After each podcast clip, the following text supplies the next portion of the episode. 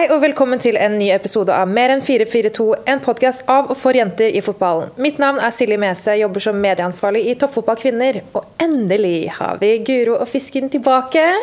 Hei. Velkommen. Hallo. Det er en glede å ha dere tilbake. Nå begynner det å bli en stund siden sist. Altfor lenge. Jeg har savnet dere. Ja, sånn. Og I tillegg så har vi med oss en av Norges fremste eksperter på korsbåndskader, nemlig Håvard Moxnes. Velkommen. Tusen takk. Veldig godt at du ville være med oss i dag. Spennende tema, så det var eh, en glede å komme.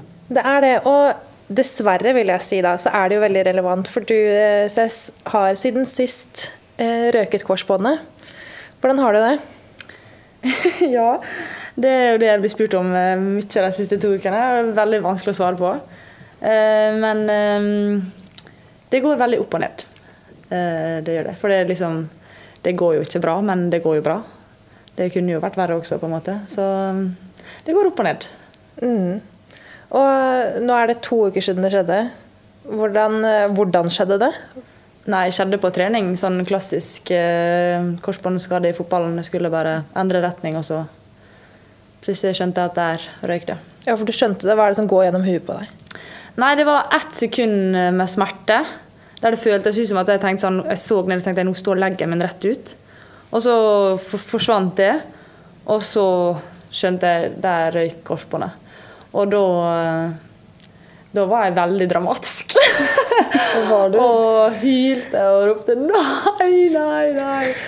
Ja, da ble jeg litt hysterisk, så um, Og det gjorde jeg også. Ja. Det kan ikke skje, det skal Nei, ikke skje. det var det det. Ja, jeg bare 'please, nei, please, please'. Så um, Nei, da skjønner jo du at eh, nå eh, ryker alt eh, du har jobba for i mange år. Så um, det um, er en sorg, egentlig. Mm. For det er jo, du mister jo ikke bare resten av sesongen. Du mister jo også sommerens europamesterskap.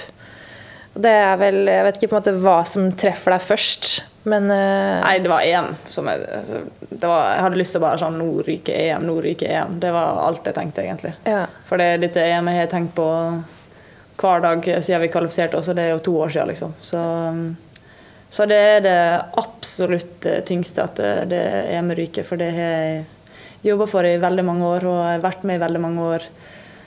Og jeg gleder meg veldig til det der. Så, um, så det er um, liksom smerte og operasjon og at det tar lang tid og liksom Alt det, liksom, det skal jeg håndtere, men akkurat det EM-et, det, det, det knuser hjertet, egentlig.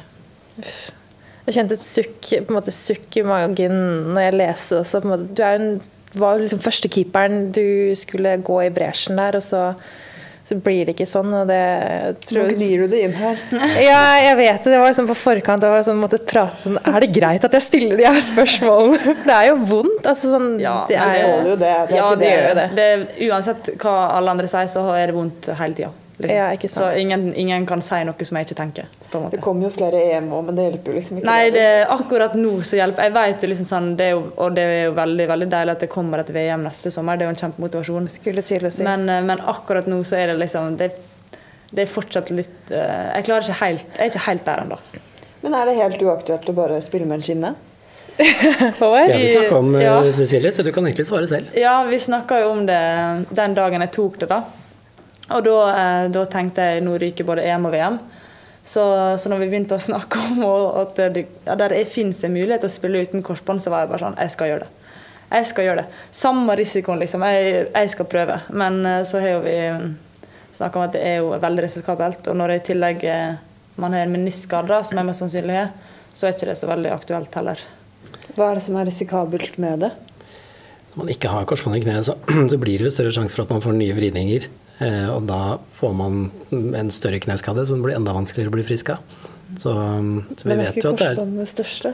Korsbåndet er det største, men eh, meniskade i tillegg eh, så risikerer man nok kneet også i fremtiden. Ja. Så um, hvis det blir store skader. Og Så, så hadde jeg jo vel måttet operert uansett til slutt. Så hvis jeg skulle prøvd å spille EM da, og så hadde jeg operert etter EM, da hadde jeg i hvert fall ikke rukket VM. Og så hadde jeg kanskje ikke klart EM. Så på en måte, når, han, når liksom jeg fikk vite at eh, ja, men VM kan gå hvis, hvis ting går sånn som vi planlegger, da snudde jeg ganske fort tilbake. og bare sånn, ok, greit. Operer meg med en gang. Ja, fordi det jeg har tenkt litt på i forhold til at du er keeper. om det er Jeg regner jo med at det tar lang tid, for det skal jo gro allikevel. Men er det mulighet for at hun er liksom fortere tilbake enn en vanlig utespiller ville vært? Kanskje på et vis, fordi det er på en måte andre bevegelser som, skal, som du skal mestre. Da. Um, men så er det også sånn at når man, når man, opererer korsbåndet, så flytter man jo en scene liksom, og lager et nytt korsbånd. Og den scenen må gro inn i skjelettet på nytt, og skal, det er liksom en biologisk tildeling, som det heter. Så tiden før det nye korsbåndet ditt er sterkt og robust, det er jo ca. ni måneder etter operasjonen. Så noe kortere tid enn det blir uansett høy risiko, uavhengig av hvilken posisjon man spiller i. Da. Hvis du hadde drevet med klassisk langrenn, så kunne vi kanskje tenkt at det gikk før. Men du kommer jo i situasjoner der du skal hoppe og lande på ett bein, og du skal sparke etter ballen, og det er dueller. Så, så en keeper, selv om keepere sjeldnere har korsbåndskader, så er det nok ikke en sånn posisjon der man med stor sannsynlighet klarer seg uten. Nei.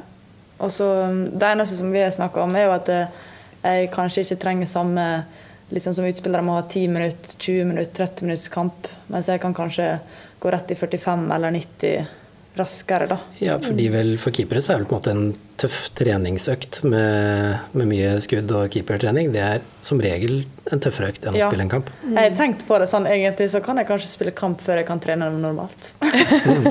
ja, men det kan du jo. ja, sånn. Det er jo mindre belastende. Ja, i hvert fall. Jeg tipper sånn, jeg, jeg, har jo tenkt mye på det her, da. Og jeg tenker sånn, stort spill blir nok ganske mye før smått spill for min del. Mm. Men nå vet jeg dette får vi se. Men det er sånn jeg tenker på.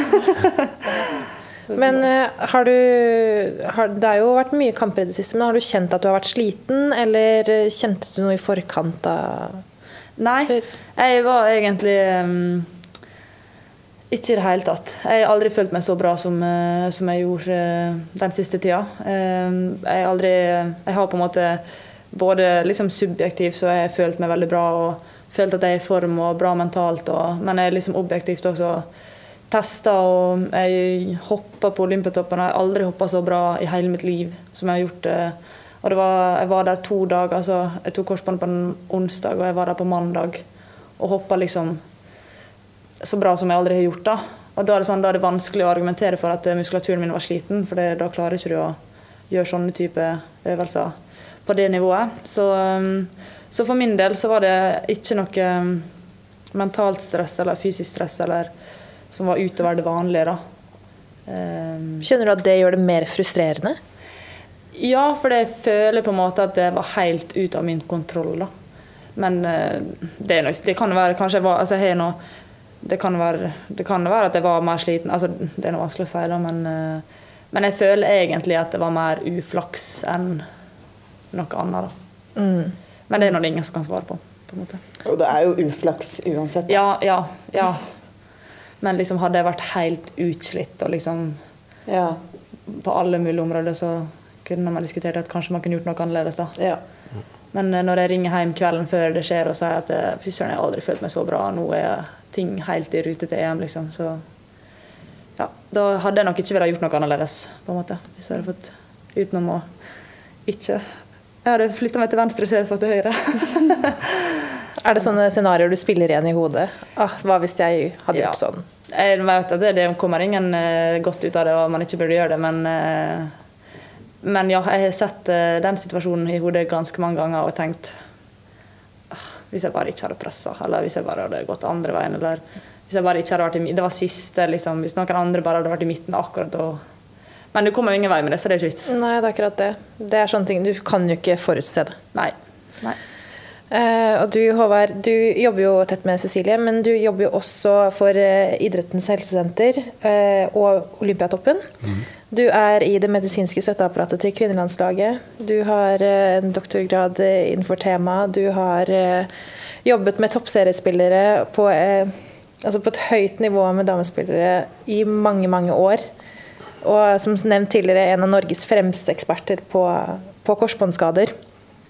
Hvordan, altså, hvorfor er det så mange skader eh, på korsbåndet? Det hadde jo vært fint å kunne gi et enkelt svar.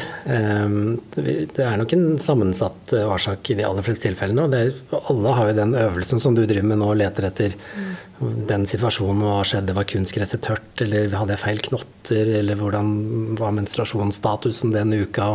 Så det er mange ting man på en måte leter etter årsaken i enkelttilfellene, men det kan vi som regel ikke gi et veldig tydelig svar på.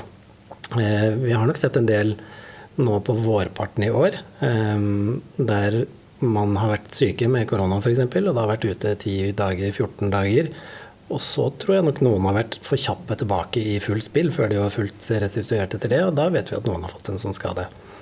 Ehm, men årsaken til at det er korsbåndskader i fotball, er at det er jo en sport med vridninger og taklinger og fullt fart. Ehm, på samme måte som håndball er, og som basket er i USA. og Driver man med såkalte vridningsidretter, så vet vi at det er høyere risiko for å få korsbåndskader. Mm, for du er jo idrettsfysioterapeut, men hva, hva, mer er det som du gjør i hverdagen? Altså, det jo, omfatter jo veldig mye eh, Hovedjobben min er jo egentlig å hjelpe Cecilie og, andre eh, fotballspillere eh, i alle idretter, for så vidt. Jeg jobber jo da mest kanskje med ungdommer. Eh, for det er jo skader i toppserien, men det er vel så mye skader blant de unge og håndballspillerne. Eh, så jobben min er på en måte å hjelpe de i opptreningen etter skader. Eh, I tillegg har vi en del fokus på å jobbe fram måter å forebygge skadene på, for vi vet jo at det går. Eh, ikke på en sånn måte at det kommer til å bli aldri korsbåndskade, vi får det ikke ned i null, men vi vet at hvis man jobber med styrketrening, balansetrening og gjør det regelmessig, selv om mange spillere syns det er litt kjedelig, så blir det halvparten så mye korsbåndskader.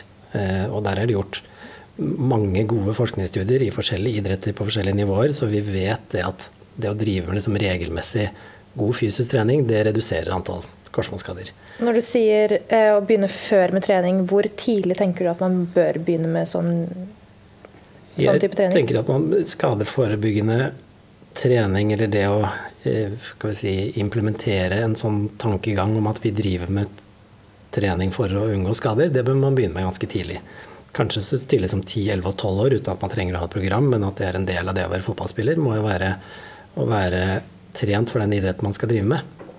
Ehm, så vet vi nok at særlig med jenter så er det å komme i gang med styrketrening litt tidligere enn det man vanligvis gjør, sannsynligvis veldig fornuftig. Ehm, fordi det er nesten ingen korsbåndskader før man er 14-15 år.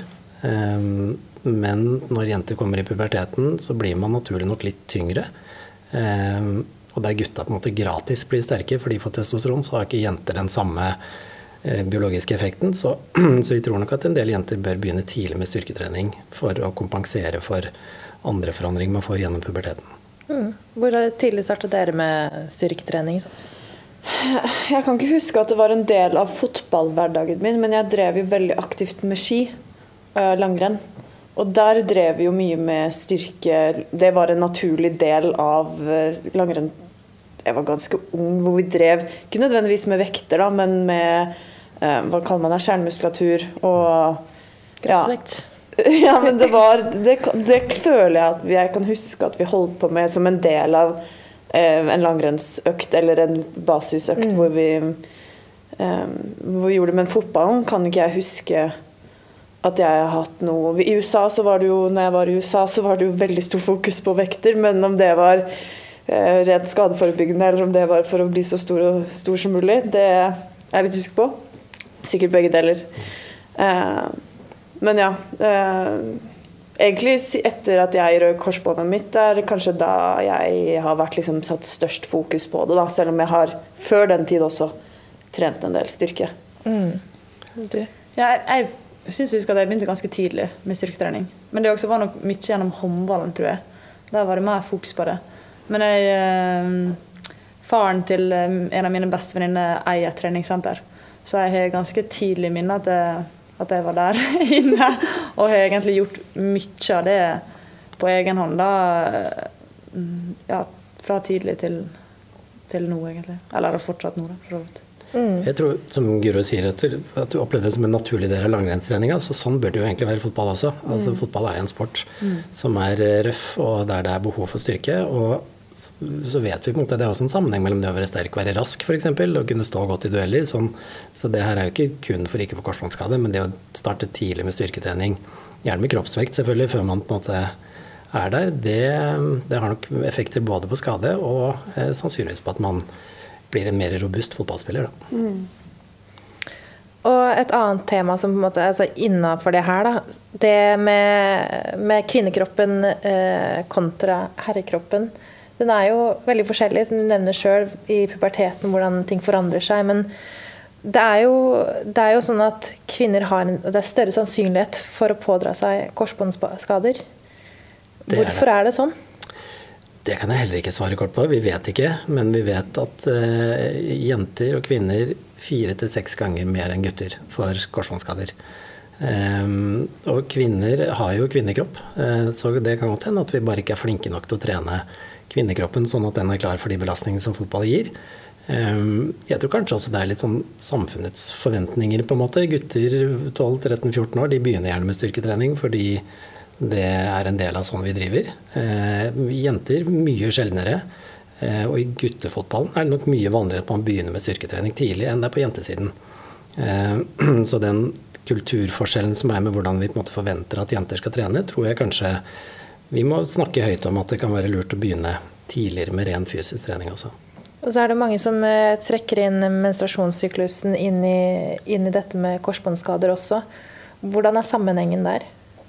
Ehm, det aller viktigste å si om menstruasjonen er at jenter skal ha menstruasjon. Og det å ha det regelmessig er et tegn på at man har en kropp som er i balanse, særlig energimessig. Ehm, det er gjort studier der det kanskje er antydninger til at det er liksom perioder gjennom menstruasjonssyklusen der man er litt mer utsatt for å få skade, men det er ganske forsvinnende lite sammenligna med den effekten man kan få av å drive regelmessig skadeforebyggende trening. Um, og det er jo også sånn at Jenter skal ha den menstruasjonen, og den syklusen den er der hver måned. og Vi kan ikke si at én uke hver måned så skal du ikke spille fotball. Så her tror jeg vi må snu den andre veien og lære oss å trene godt eh, gjennom hele menstruasjonssyklusen. Jo, Det amerikanske fotballandslaget har jo nå eh, innført De kartlegger jo syklusen til hver enkelt utøver mm. og tar veldig eh, gode forutsetninger. Altså De følger det her sånn at de kan styre belastningen til hver enkelt spiller? Ja, og Det er kanskje mest det man kan bruke det til nå. Altså man vet at man, jenter og kvinner reagerer forskjellig eh, på syklusen. Så, så, noen sover kanskje dårlige perioder eller det er vanskeligere å trene hardt. Eh, og Da kan det være fornuftig å tilpasse treninga i de periodene. Eh, og Det er nok ikke bare det amerikanske landslaget som gjør det. Jeg vet ikke om dere nå på det norske landslaget også har litt mer prat rundt det mer prat rundt det, men ikke, vi kartlegger ikke på samme måte. Men Chelsea gjør det, f.eks. Så det finnes jo klubblag som gjør det. da. Ja. Jeg har liksom blandede følelser til det der. For jeg føler Jeg ble forespeilet en som spurte meg Eller som sa sånn Ja, jeg foreslo en fysisk trener at jeg skulle spille med skinnet når jeg hadde mensen. På det kneet mitt, siden jeg hadde hatt såpass mye kneskader. Jeg vet ikke hva du tenkte om det. Jeg hadde tenkt om det. Det, er, det er det absolutt ingen holdepunkter for. Eh, og det er på en måte det jeg prøver å si litt, at menstruasjonen det er en naturlig del av det å være jente og kvinne, og man skal kunne spille fotball uavhengig av det. Ja. Og den kanskje, kanskje bitte lille økte risikoen man har i perioder, den skal vi ikke legge veldig mye vekt på. Det vi skal legge mye vekt på, er det vi kan gjøre noe ordentlig med. Og det er på en måte å trene, trene godt, eh, ha god restitusjon, gode kostvaner, sove godt og på en måte være toppidrettsutøver når man har mulighet til det, det er mye, mye viktigere enn eh, å bruke skinne når man har menstruasjon. Ja, og så føler jeg hvert fall sånn Jeg husker bare når jeg røyk korsbåndet mitt, hvert fall, så var det på en veldig rolig økt. Altså, det, var, altså, det hadde ikke hatt noe å si om det hadde vært, altså, sånn, om det hadde vært hard eller lett i forhold til å ta ned belastningen. Mm. Og jeg er også litt sånn der at jeg tror at hvis du, hvis du får for mye sånn å holde Fordi når jeg fikk beskjed om, eller spørsmål om jeg ville ha på skinnet, så er det sånn Jeg vil ikke vite at da har jeg mensen, og da er det større risiko for skade. Altså, da, du, blir jo, du blir jo, binder deg jo til det også, da. Mm. Um, så det var veldig men, uaktuelt for meg. Men Cecilie sa jo det at hun var i veldig Hun måtte i sin livs beste form når du røk korsbåndet. Hvordan Hadde du kjent noe at belastningen var mye, eller at uh, kroppen var litt sliten? Ikke som jeg Nei. Jeg, siden jeg ikke kan huske det, så antar jeg bare at, at jeg følte meg helt fin. Eh, mm. Det var i begynnelsen av sesongen. i USA. Så det var jo ikke mitt første år i USA heller. Jeg hadde jo allerede hatt et helt år der. Eh, og det, så sånn sett så var jeg jo vant til hvordan man trente og, og sånn. Eh, så jeg føler det var eh, tilfeldig og bare holdt på å si på feil sted til feil tid. Det var jo Men ja, maks uflaks. Jeg tror du har rett i det. Altså, det er tilfeldigheter ofte i situasjonen der og da. Eh, og så kan man, tenker jeg, da, litt sånn at hvis man er flink til å trene og restituere og styre belastningene, som gjør alt det som vi måte, vet er fornuftig, så gjør man kanskje sannsynligheten for tilfeldigheter litt mindre. Men tilfeldighetene vil allikevel oppstå, så det vil alltid være noen som får en korsbåndskade uten at vi kan sette fingeren på at det var den og den årsaken der og da. Men det er på, en måte på individnivå når vi snakker om én og én og din skade, din skade. Men det som jo er gjort mye forskning på, er at når man har liksom en stor gruppe Hvis vi har det er 200 fotballspillere tror jeg, i toppserien. Hvis alle de trener bra, styrke, balanse, gjør liksom hele den jobben, så vet vi at det kommer til å bli halvparten så mange korsbåndskader gjennom en lang periode eh, som hvis de ikke gjør det. Eh, men det er ikke sikkert det er den sesongen her. Det er på en måte gjennomsnittet av de neste seks sesongene.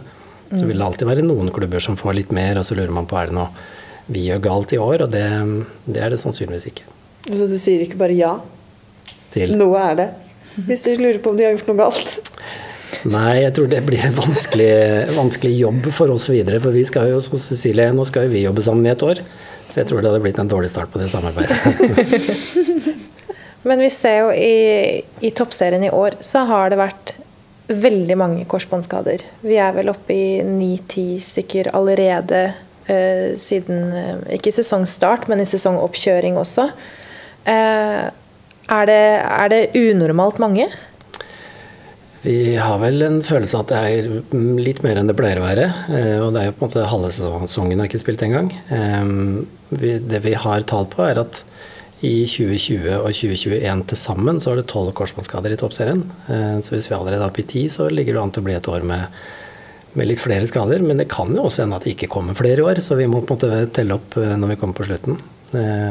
Men opplevelsen er at det har vært mye korsbåndskader i år eh, i toppserien, men der jeg jobber, også på rekruttlagene og på jenter 19-lagene og på jenter 17-lagene, så er det mye korsbåndskader i år.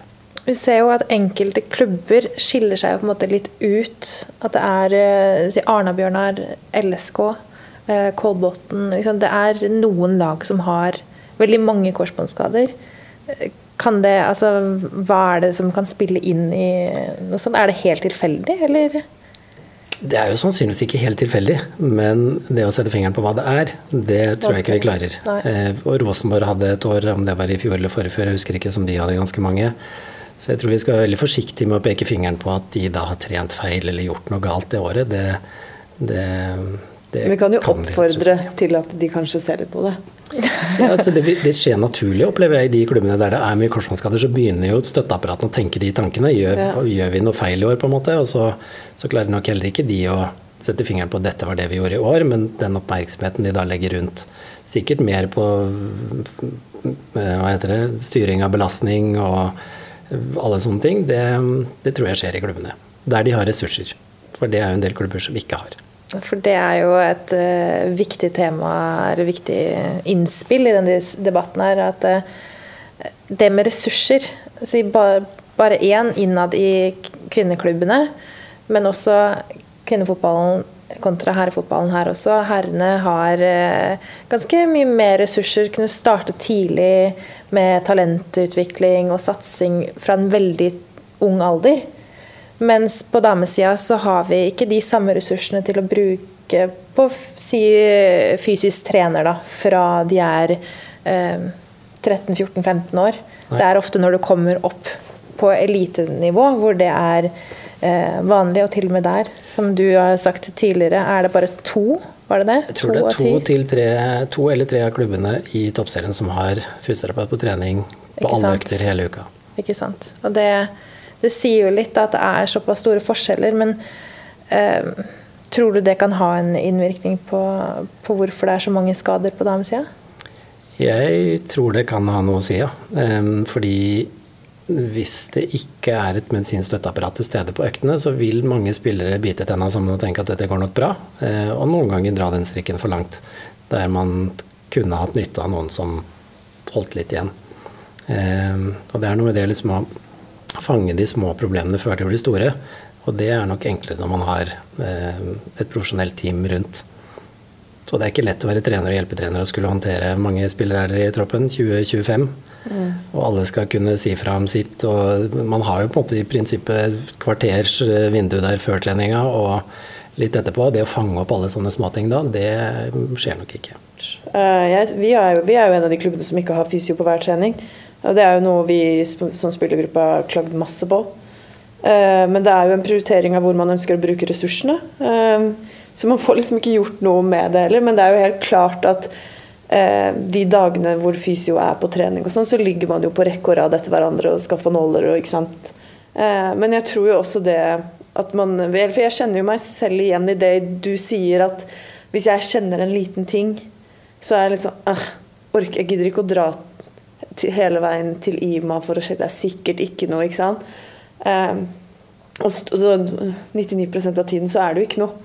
Eh, men jeg, jeg, ser, jeg, ser, veldig godt den at det kunne jo hende at bare en liten Om det er en nål eller bare litt massasje eller om det er et eller annet det, så kunne det også ha gjort at jeg kom tilbake eller at det føltes bedre to dager før det føltes greit igjen, da. Jeg vet ikke. Mm. Mm. Ja, jeg tror jeg er litt sånn uh, Ikke helt uh, riktig å svare på det akkurat nå. Fordi at uh, vi har fysioterapeut på alle treningene. Og jeg er på Olympiatoppen tre dager i uka med en egen fysisk trener. Så jeg har tilgang på alle ressursene som Norge har å tilby hver eneste dag. Og allikevel så sitter jeg her uten korsbånd. Så um, Nei, Det illustrerer jo litt sånn som det er. ikke sant? Selv om man gjør alt riktig, så kan det gå gærent allikevel. Ja. Eh, så en idrett som dere driver, det, risikoen blir aldri null. Eh, sånn er det bare.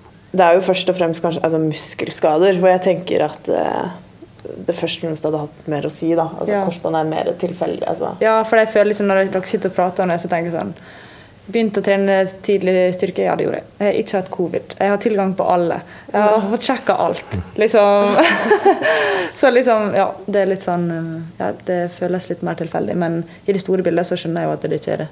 Det er nok mange korsbåndskader som kunne vært unngått med i hvert fall noen, tenker jeg. Eh, og, og, og, det å være Hvis man skal være liksom i et støtteapparat rundt et lag, så er det noe med det å være der ofte er jo veldig nyttig, for man må på en måte kjenne utøverne. Dere er jo forskjellige, sant. Mm. Men du jobber jo med, med, veldig tett med veldig mange av toppseriespillerne, som både har røket korsbåndet nå og har gjort det tidligere.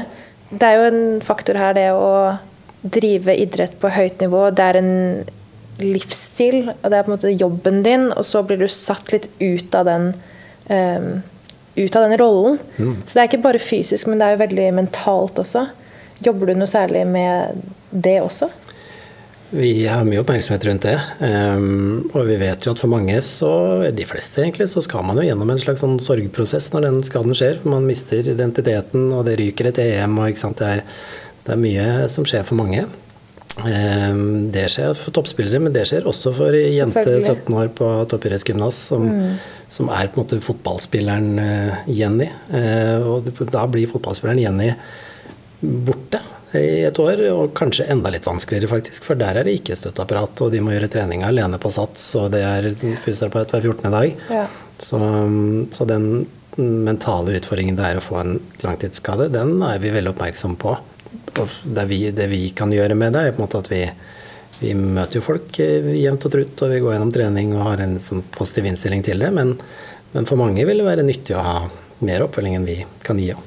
Bruker du eh, eller skal bruke. Noe mentaltrener eller uh, den type trening i tillegg? Ja, eller sånn, jeg kjenner meg i hvert fall veldig igjen nå. det er sånn Når folk spør hvordan det går, så tenker jeg at sånn, med kneet går det egentlig ganske bra, men uh, med sjela så går ikke det bra i det hele tatt.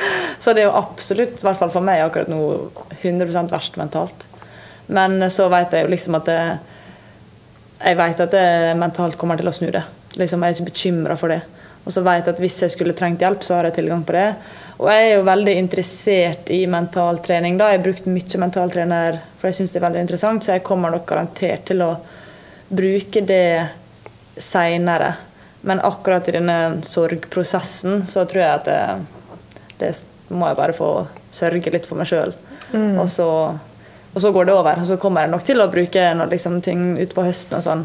og bruke mentaltrener for liksom Hvordan kan jeg best utnytte der jeg er akkurat nå? Eh, det, det kommer jeg nok garantert til å gjøre, men eh, ikke akkurat i den, i den sorgprosessen nå, for det nå føler jeg Uansett hva folk sier til meg, så hjelper ikke det. på en måte. Dette må jeg bare deale med litt sjøl. Ja. Og så kan jeg heller eh, få hjelp når jeg liksom er klar for å komme i gang med det. Så er man jo individuell oppi alt sammen. Ja. ikke sant? Så jeg bet meg jo merke i den forrige episoden dere hadde, Guro, så sa jo du at du var langtidsskadd i USA, og da måtte du på trening hver gang, og du sto der og så på de andre. Um, og det her snakker jeg med de som kommer til meg om en skade, fordi noen Det er ikke sånn i Norge at man må, men noen føler allikevel at de bør. Um, og så står man der og henger, da, og kaster bort tiden, egentlig.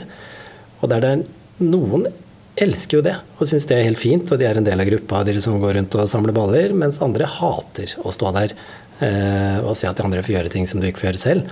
Så det fins jo ikke noe fasitsvar på hva som er det ene eller det andre, men den mm, tilknytningen man har til en klubb, eh, blir jo satt litt på prøve i en sånn eh, prosess som, som jo varer ganske lenge. Hvordan har du kjent på det, Cess? Nei, jeg har vært i Lillestrøm én gang, så jeg tok det. Så jeg er nok i den andre Så selvfølgelig, da. På andre sida av Guro. Som vanlig. Men jeg hadde ikke noe valg, da. Nei, nei, det er sant. Det er sant. Men Jeg tror jeg eh, hadde vært helt lik sånn her. Ja, okay, Ja. Sånn egentlig. Fordi jeg, jeg, jeg, jeg hadde lyst til å sitte og vise fingeren til treneren. ja. Men, eh, men det sa jeg fra med en gang, at nå må jeg bare ha litt tid for meg sjøl.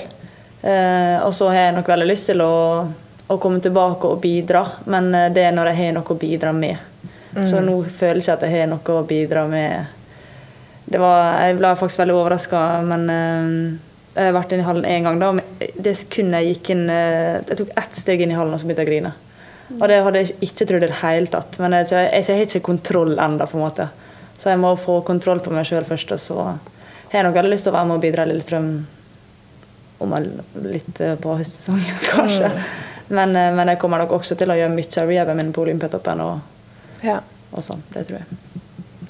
Så det- på et tidspunkt så må du jo tilbake. Ja. Eh, For en, lang, en stor del av opptreningen er jo på en måte skjer jo på fotballbanen. Ja.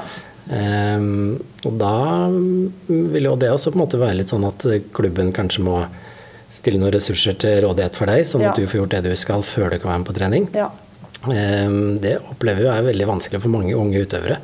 Hvis man spiller på Jenter 17-laget til Heming f.eks., så, så er det ikke så lett å komme dit og si at nå trenger jeg en trener en halvtime. eh, For det er jo ikke en flust av de. Ehm, og det vi ser er jo at de aller fleste eh, profesjonelle utøvere som får en korsbåndskade, de kommer tilbake på det nivået de var før. Men eh, av eh, ikke-profesjonelle, og det er da stort sett ungdommer, så er det faktisk under 50% som kommer tilbake til den idretten de skada seg i. eh, selv om de har lyst. Noen av de er nok at kneet ikke ble bra nok, eh, men for mange er det mm, en mental ting kanskje. Altså jeg tør ikke, jeg orker ikke sjansen for å skade meg på nytt f.eks. Eh, mens andre steder er det det at det er vanskelig Man, man blir liksom ikke fotballspiller i treningsstudio. Så du kan ikke være der i ni måneder, og så er det klart å spille kamp. Men det trengs ganske mange måneder med litt sånn gradvis eh, opptrapping på feltet. Som er lettere å få til i en toppserieklubb enn på et jente 17-lag der eh, det er færre personer rundt. Ja. Så det, det er et satsingsområde hos oss å kunne på en måte hjelpe til i den der overgangen fra å være skada til å bli faktisk idrettsutøver igjen. Og der er jeg nok enda mer heldig, da. Eller for det første så har vi eh, både fysisk trener og fysioterapeut, men jeg er jo også keeper, da. Og det er jo én trener på to eller tre. Så eh, Eller der, det blir nok lettere, da. Og det har jeg tenkt på en del sånn Jeg kan nok begynne å liksom ta imot ball sittende og sånn ganske tidlig, egentlig. Så jeg kommer nok til å være mye i hallen utover på høsten. Det, det kommer jeg til å være. Det har faktisk jeg tenkt på også, at det er ganske mye du kan gjøre. Sånn selv om du ikke får lov til å spille kamp før etter ni måneder, da, Ja. si det. Så ville du vært mye bedre klampklar enn det jeg hadde vært etter ni måneder. Ja, eller jeg får i hvert fall begynt på en måte den øh, øh, Hva heter det, liksom særegne tingen med fotballen før, da. Jeg har liksom i hvert fall sett for meg, jeg har ikke diskutert dette med Håvard, så jeg kanskje helt, men jeg har sett for meg at jeg kan liksom begynne ganske tidlig å sitte på rumpa og bare ta imot ti baller liksom med kneet helt i ro. Og det er jo trening for meg, på en måte. Så liksom jeg håper at jeg ikke kommer til å miste så mye av på en måte Feelingen. feelingen, ja. Eh, som kanskje mange andre gjør, da, som må vente mye lenger med å slå av innsidepasning. på en måte. At jeg kan begynne liksom her allerede ganske tidlig, egentlig. Absolutt. Og det er som jeg har sagt til deg, og vi Ja. liker jo utøvere som tenker selv og Ja. kommer med egne innspill. fordi Ja. det er ikke sånn at jeg sitter på en fasit at sånn, nå må vi gjøre sånn og sånn hver dag i tolv måneder fremover. Så det å være med og påvirke den prosessen selv, det er nyttig for deg, og det er nyttig for meg. Ja. Så der er, det, er liksom, det kjenner jeg det er et skritt i at jeg er på vei i riktig retning. Det at jeg begynte å liksom se for meg øvelser jeg kan gjøre sittende. på en måte. Og der er jo det veldig luksus å være keeper, da, for da kan jo jeg trene egentlig med keeperne. Så når det er deres tur, så gjør de sitt, og så på min tur så gjør jeg det sittende. Eller så skjønner du hva jeg mener. Så der er det Ja. Det er jo en stor fordel, vil jeg. For jeg er veldig nysgjerrig på den prosessen. Liksom, hvordan for deg i USA, den der fra å være skada til å spille kamp igjen, hvordan opplevde du det, Guro? Uh, jeg opplevde Altså Først og fremst så var jeg ute veldig lenge, da. Så jeg slet jo med et, en halt, et halt. Halting veldig lenge. Eh, og, men allikevel så klarte ikke jeg på Mot slutten så klarte ikke jeg å kjenne selv at jeg haltet. Jeg følte meg veldig klar. Og jeg ville veldig gjerne spille igjen. Eh, og syntes det var litt rart. Og når jeg først ble klarert òg, så syns jeg at uh, Skjønte ikke hvorfor coachen ikke ville bruke meg. For jeg syns Jeg må jo Jeg følte liksom selv at det var greit, ikke sant. og så er det ikke før jeg begynte liksom å faktisk spille igjen, og det går ja, sikkert et halvt år, ett år, hvor jeg begynner faktisk å Å ja. Det er sånn her det skal kjennes ut. Nå begynner jeg liksom å få i gang motoren og liksom ordentlig, da. Uh, hvor jeg var liksom Fy fader, jeg kan jo ikke ha sett ut i starten, og jeg helt, følte meg veldig klar til å spille. Uh, så tror ikke Så skjønner jeg nå, i ettertid, at jeg ikke fikk spille. Men uh, der og da så slet jeg med det. Ja, for du sa jo at eh, den ekstra kiloen med muskler, bare, at du begynte å Ja. trene godt, var den som på en måte klikka det litt mentalt for deg også? At nå var du Eller Ikke nødvendigvis, men da var det jo også da, da, Det var nok en blanding av at i starten så så jeg så nok bedre og bedre ut gradvis, men jeg hadde jo fortsatt veldig vondt, da. Og så var det jo etter at jeg fikk på meg liksom hakket mer muskler, hvor den også mentale, så så jeg sikkert enda bedre ut igjen. Ja. Men da hadde jeg nok begynt å se mer bedre ut enn det jeg gjorde helt i starten. Ja. Eh, men mentalt så var det jo bare selvfølgelig at det er jo ubehagelig å gå med smerter. ja. Eh, du tenker på det hele tiden. Eh, og så er det jo en, også en smerte, så når jeg røk eh, leddbåndet eh, etterpå, så var jeg litt sånn Det her er ingenting. Det kneet der har vært igjennom. Far worse. Så når jeg fikk da på meg en skinne, og det husker jeg fysioen i Stabøk, da jeg var i Stabøk, eh, som var liksom bare sånn For da fikk jeg lov til å gjøre alt. Mye, da, men jeg måtte gjøre det med en skinne.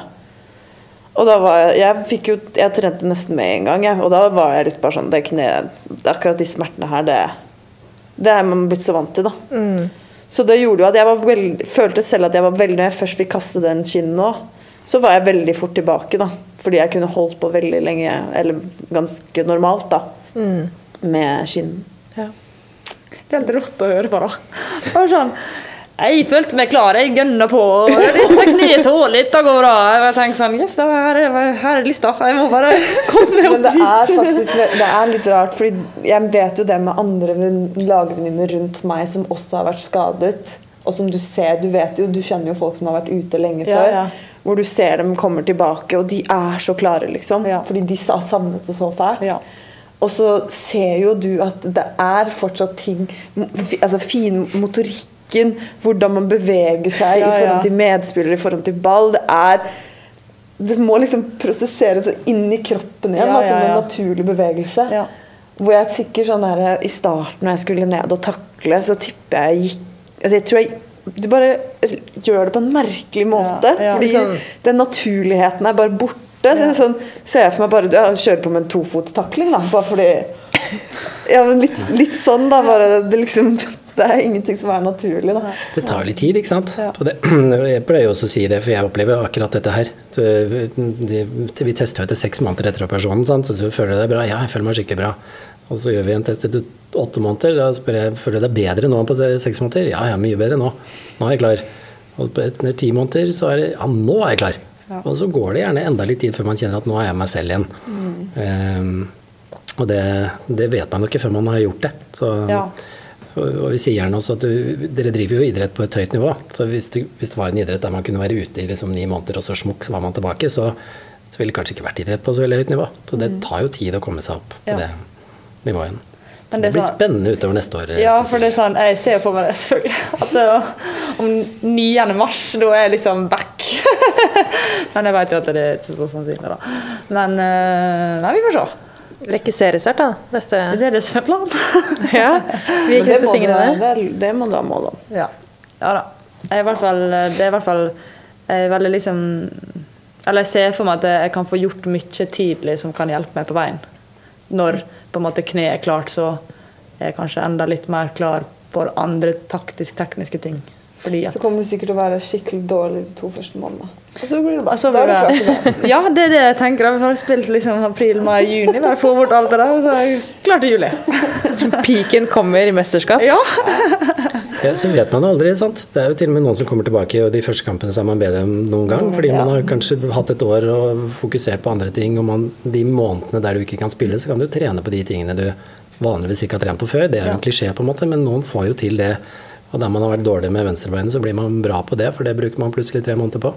Så og her er det så mange faktorer som spiller inn, så, Ja. så det å sette datoer og bestemme kampdager og sånn, det, det kjedelige svaret du får flere ganger, er jo at det er klart når det er klart. Og så jobber vi så fort vi kan. Men det er så gøy, for at jeg, oppe på Olympiatoppen så er det veldig mange som har vært gjennom en kneskade. da.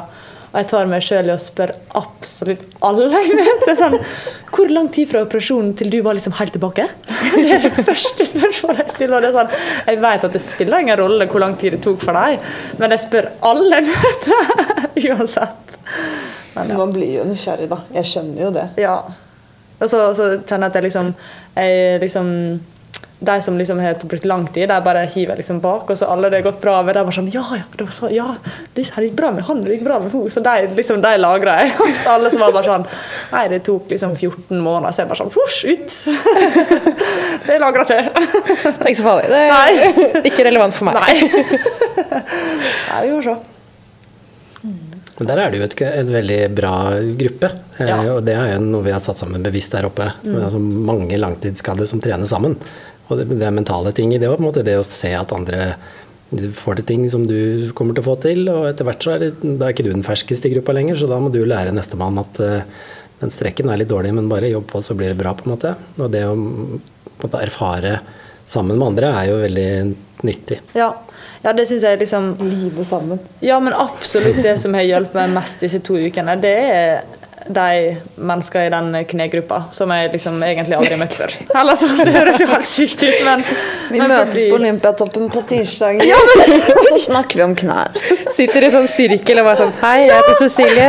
Jeg har røket korsbåndet. Ja, det er Hei. Cecilie. Nei, det var akkurat det som skjedde. Jeg sa det bare for å sånn, jeg føler jeg er blitt rusmisbruker. Men det er verdt, og de, liksom, de lærer meg bare sånn hver dag nesten sånne, sånne småtips. da. Bare sånn hva, hvor ting er på. Jeg har aldri liksom brukt Olympiatoppen så mye når jeg har vært skada. Bare sånn, hvor er liksom Her er det ismaskin og liksom sånn. Og så er det sånn Ja, prøv å sitte på gulvet, det funker. Eller ja, denne, prøv å gjøre sånn. Eller i dag, for eksempel. Da, Vær med å sykle i varmerommet. Sånne ting som jeg aldri hadde tenkt på hvis jeg hadde surra rundt helt alene. da. Så, så det syns jeg har vært eh, Den knegruppa er gull verdt. Og det har jeg hørt eh, alle andre som har vært i den knegruppa, som har gått videre, si det samme. da. Så Ja, men det er helt komisk. Ja, men det er jo skikkelig bra. Ja, det er det. Det er litt gøy. Ja, det er jo litt gøy. Knegruppa. Ja, men jeg har jo tenkt, jeg har jo sett den knegruppa og tenkt sånn åh, Der skal jeg ikke Nei! Og så sitter du der, da skjønner du. Ja, det er søren meg gull verdt, altså. Ja. Det har litt med sånn mentaliteten og den toppidrettsmentaliteten at man kan så både ha felles eh, Man jobber mot, det, mot felles mål, og det å komme tilbake til sin idrett. Da. Ja, og liksom de vet, Du trenger på en måte ikke forklare, for det er jo ikke alle sånn utenforstående som forstår hvorfor dette er så kjipt. Sånn, det er bare sånn, ja, men det er bare å trene opp igjen, og så går det bra. Kommer sterkere tilbake. Ja, altså sånn, Men de forstår på en måte hvor, hvordan du har det. da.